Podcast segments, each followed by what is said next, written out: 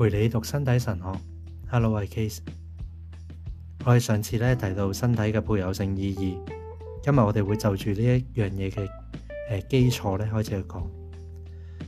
关于呢个意义嘅展现咧，同埋人喺起初嘅时候发觉呢个意义咧，可以喺某啲叙述入边睇到个叙述就系当提到人啊男人同女人嘅身体同埋佢哋嘅性别嘅整个现实同埋真正嘅意义。即系佢哋赤身露体嘅时候啦，同时指出人咧完全唔受到身体同埋佢哋嘅性特征所约束。我哋嘅元祖嘅父母，佢哋赤身露体，内心并唔羞耻嘅。咁睇嚟，正好证明咗呢一样嘢。我哋可以话，两个人因为上帝嘅大爱受造，佢哋嘅全有获赋予男性同埋女性嘅特质。而佢哋赤身露体，系因为佢哋都系自由嘅，佢哋拥有一种交付嘅自由，佢哋拥有 gift 嘅自由、礼物嘅自由、恩赐嘅自由。呢一种自由正系身体嘅配偶性意义嘅依据，即系话提到身体有配偶性嘅意义咧，系跟住呢一种自由咧，交付嘅自由咧，先会出现。人嘅身体同埋佢嘅性征。包括佢系男性或者女性特质喺创世嘅奥秘入边，唔单止净系促成咗新养众多，一如整个自然界嘅情况，而且自起初已经具有为人、为人配偶嘅属性，即系为咗对方成为对方嘅配偶嘅一个属性。呢个系表达爱嘅力量，亦即系正系藉住爱人哋成为咗一份礼物。并藉住咁样嘅礼物咧，去满全佢嘅存有同埋存在嘅真正意义。嗱，我讲多次啊，嗯，嗱，人嘅身体同埋性特征唔单止促成咗生养众多，即系唔系净系生细路嘅，而系好似整个自然界嘅情况咁啊。而且啊，自起初已经具有为咗对方成为对方嘅配偶嘅一个属性一个特质，系为咗成为对方嘅配偶。亦都系表达爱嘅一个力量。呢个表达爱嘅力量就系藉住去爱人，成为礼物，并且藉住咁样嘅礼物呢，就可以满全满足咗对方嘅存有同埋存在嘅真正意义，即唔系净为自己嘅，系彼此为咗对方一个真正嘅意义。喺度，作者就去引述教会一啲传统文献，呢啲文件去讲到。喺有形可見嘅世上，喺眾受造物之中，唯有人呢先系就其本身而被上帝所愛。且咁樣嘅人呢，唯有衷心去交付自己，先至會揾到真正嘅自己。如果要探究創世記二章廿五節所述人喺原初赤裸而唔感到羞恥嘅根由，就必須從關於人嘅整全真理着手。喺蒙祝福嘅起初呢個語境入邊。男人同女人都系自由嘅，佢哋拥有交付嘅自由。事实上，为咗存留喺衷心交交付自己嘅关系入边呢，并为咗藉住由男性同埋女性特质构成嘅整个人性，彼此要成为对方嘅礼物，佢哋一定要有咁样嘅自由先得嘅。我哋喺度咁样讲嘅自由，主要系讲紧自制，又或者系自主。就呢样嘢而言呢。为使人能够交付自己，使人成为礼物，为使人能够透过衷心交付自己而揾到真正嘅自己呢自制系一种唔可以缺少嘅诶特质。咁样佢哋都赤身露体，并不害羞。呢句话可以应该要被理解为一个自由嘅展现，亦即系对呢种自由嘅发觉，佢哋发觉到自己系有。自由咧去赤身露体嘅时候咧都能够自主啊，互相唔会觉得羞耻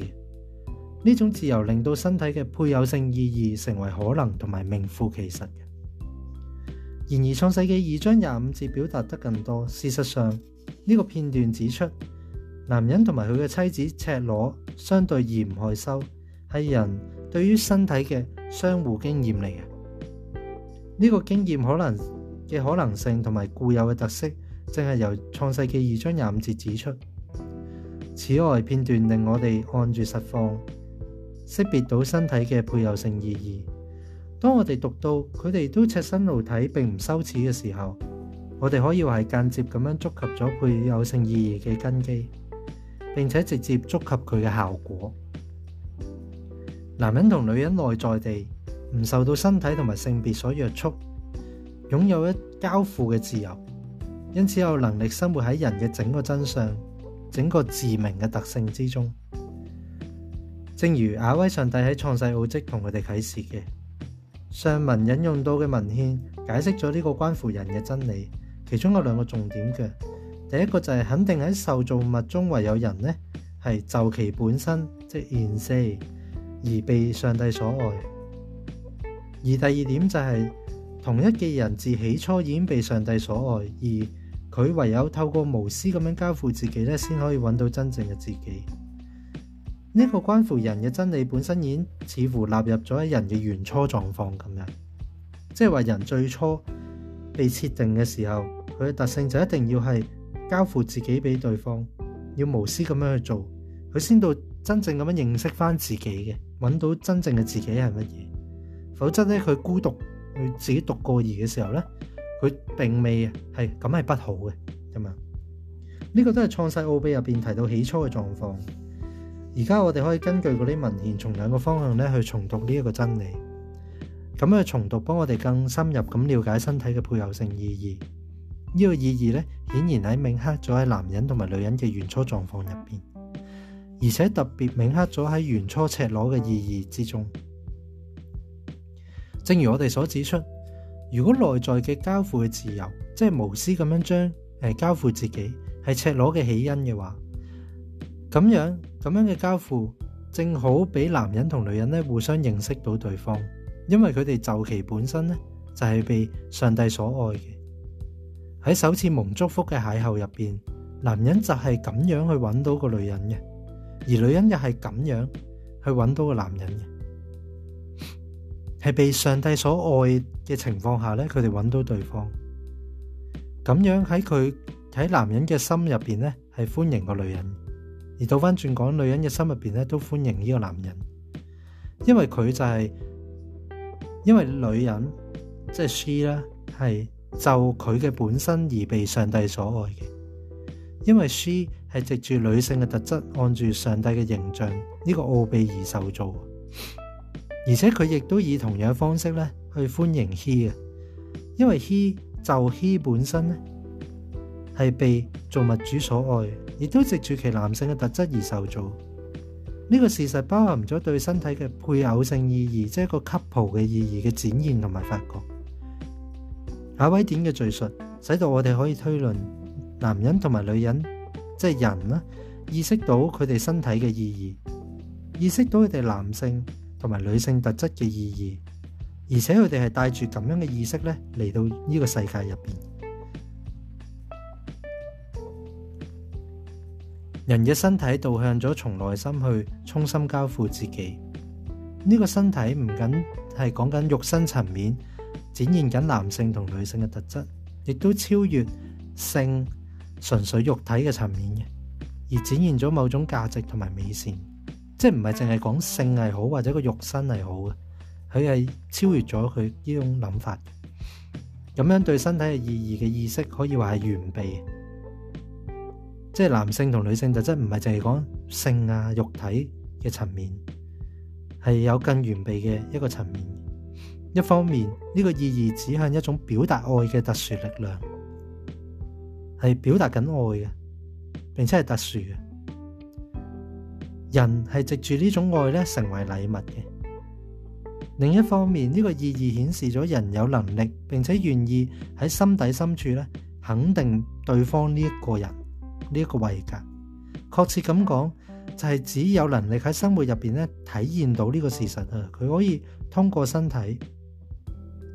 对方啦，即系如果就男人嚟讲就系女人啦，如果就女人嚟讲就系个男人啦。通过身体，对方实在系做物主。就人嘅本身所爱嘅一个位格，一个人，而即系符合位格嘅一个独特性嘅，就系位格嘅一个属性，一个特性就系佢系独一无二嘅，佢系一个唔可以重复嘅人，佢系有有别于我，但系又同我分享同一个人性嘅人，获永恒大爱所拣选嘅人。呢个我再讲啊，再再讲一再读一次啊，就系。身体咧表达咗肉身同埋性啦，但系超越咗呢样嘢嘅，有某种价值同埋美善。咁个价值系咩咧？就系指向一种表达爱嘅特殊力量。人藉住呢种爱咧，可以成为到礼物。另一方面，呢个意义显示人有能力并且愿意喺心底深处咧肯定对方呢一个人，并且咧喺生活入边体现出嚟嘅就系通过身体，通过。见到彼此嘅身体，通过对方嘅身体，嗰种男性同女性嘅特质，对方实在系上帝就人本身所爱嘅人，就系上帝爱佢本身就因为佢本身就爱佢啦。呢个系独一无二唔可以重复嘅人，系获永恒大爱所拣选嘅人，肯定呢一位就系只欢迎呢一份礼物。欢迎对方呢一份上帝所做嘅礼物，喺相互关系入边，呢个礼物咧形成咗我哋之前讲嘅人同人之间嘅位制共融，即系位格同位格之间嘅共融，就系咁样欢迎对方作为上帝做嘅礼物，一个位嘅共融。呢种共融系从内心建立嘅，亦都同时纳入咗人嘅整个外在性，即系具有男性啦同埋女性特质嘅身体。系而且系单一同埋纯正嘅赤裸，包含埋一齐，唔会觉得羞耻嘅嗰个时候，男女两个人都冇因为咁样觉得羞耻，反而系圆满。不感到呢个圣经嘅措辞系直接指出呢个系一个主体嘅经验嚟嘅，即系佢两个主体嘅经验嚟嘅，就唔系话唔应该羞耻，而系佢哋 feel 唔到啊，冇啊，感受唔到有份羞耻入边。正系呢个主体嘅角度而言，佢哋嘅男性同女性特质决定咗，决定咗佢哋成为两个人性嘅我，分别两个矮。如此男人同埋女人出现喺蒙祝福嘅起初呢个奥秘入边，就系原初嘅清白无罪同埋原初嘅纯洁啦，诶，幸福入边。呢个出现系短暂嘅，因为创世纪只系用几节经文就叙述咗啦。然而呢个出现咧，就充满咗出人意表嘅内容，因为佢嘅系神学嘅内容，亦都系人学嘅内容，展现同埋发掘咗身体嘅配偶性意义，解释咗人原初点解圆满嘅，点解幸福嘅，同时开展咗佢喺诶在世历史嘅一个景象喺历史入边咧，佢唔会绝对唔会脱离到呢个原初嘅主题，并且系一个唔可以缺少嘅主题。因为关乎人嘅自身嘅存在，即系人系乜嘢？人嘅存在到底系乜嘢？系关乎呢一个话题。我哋必须承认，根据创世纪第三章亚威典文本，接下嚟嘅几节经文显示，原罪之后呢，呢个历史嘅景象呢，就用另一种方式建立啦，有别于蒙起初嘅祝福嘅，诶蒙祝福嘅起初已经唔同咗，用另一种方式。然而，我哋有更有必要深入了解呢个起初嘅奥妙结构，而呢个结构既系神学性，亦都系人学性嘅，即系解释紧神，亦都解释紧人。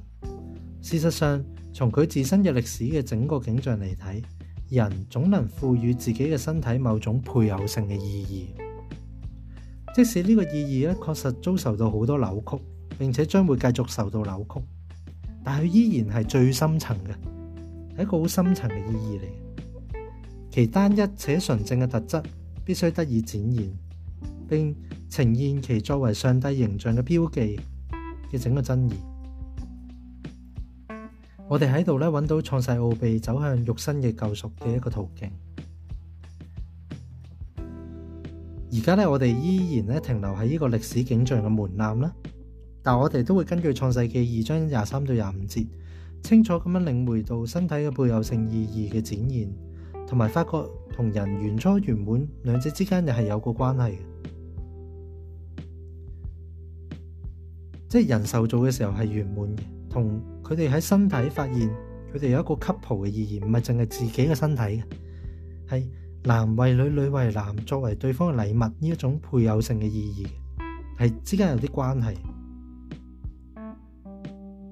同原初嘅幸福有关，呢个配偶性意义都系蒙祝福嘅，而且本身都决定性咁样显示咗交付行动嘅整个现实，亦即系创世纪开首几张喺度同我哋述说嘅嗰啲事。睇完呢啲经文，我哋深信对身体意义嘅意识就系源于嗰种嘅交付，而呢个意识呢，系人存在喺世界一个基础基础嘅要素。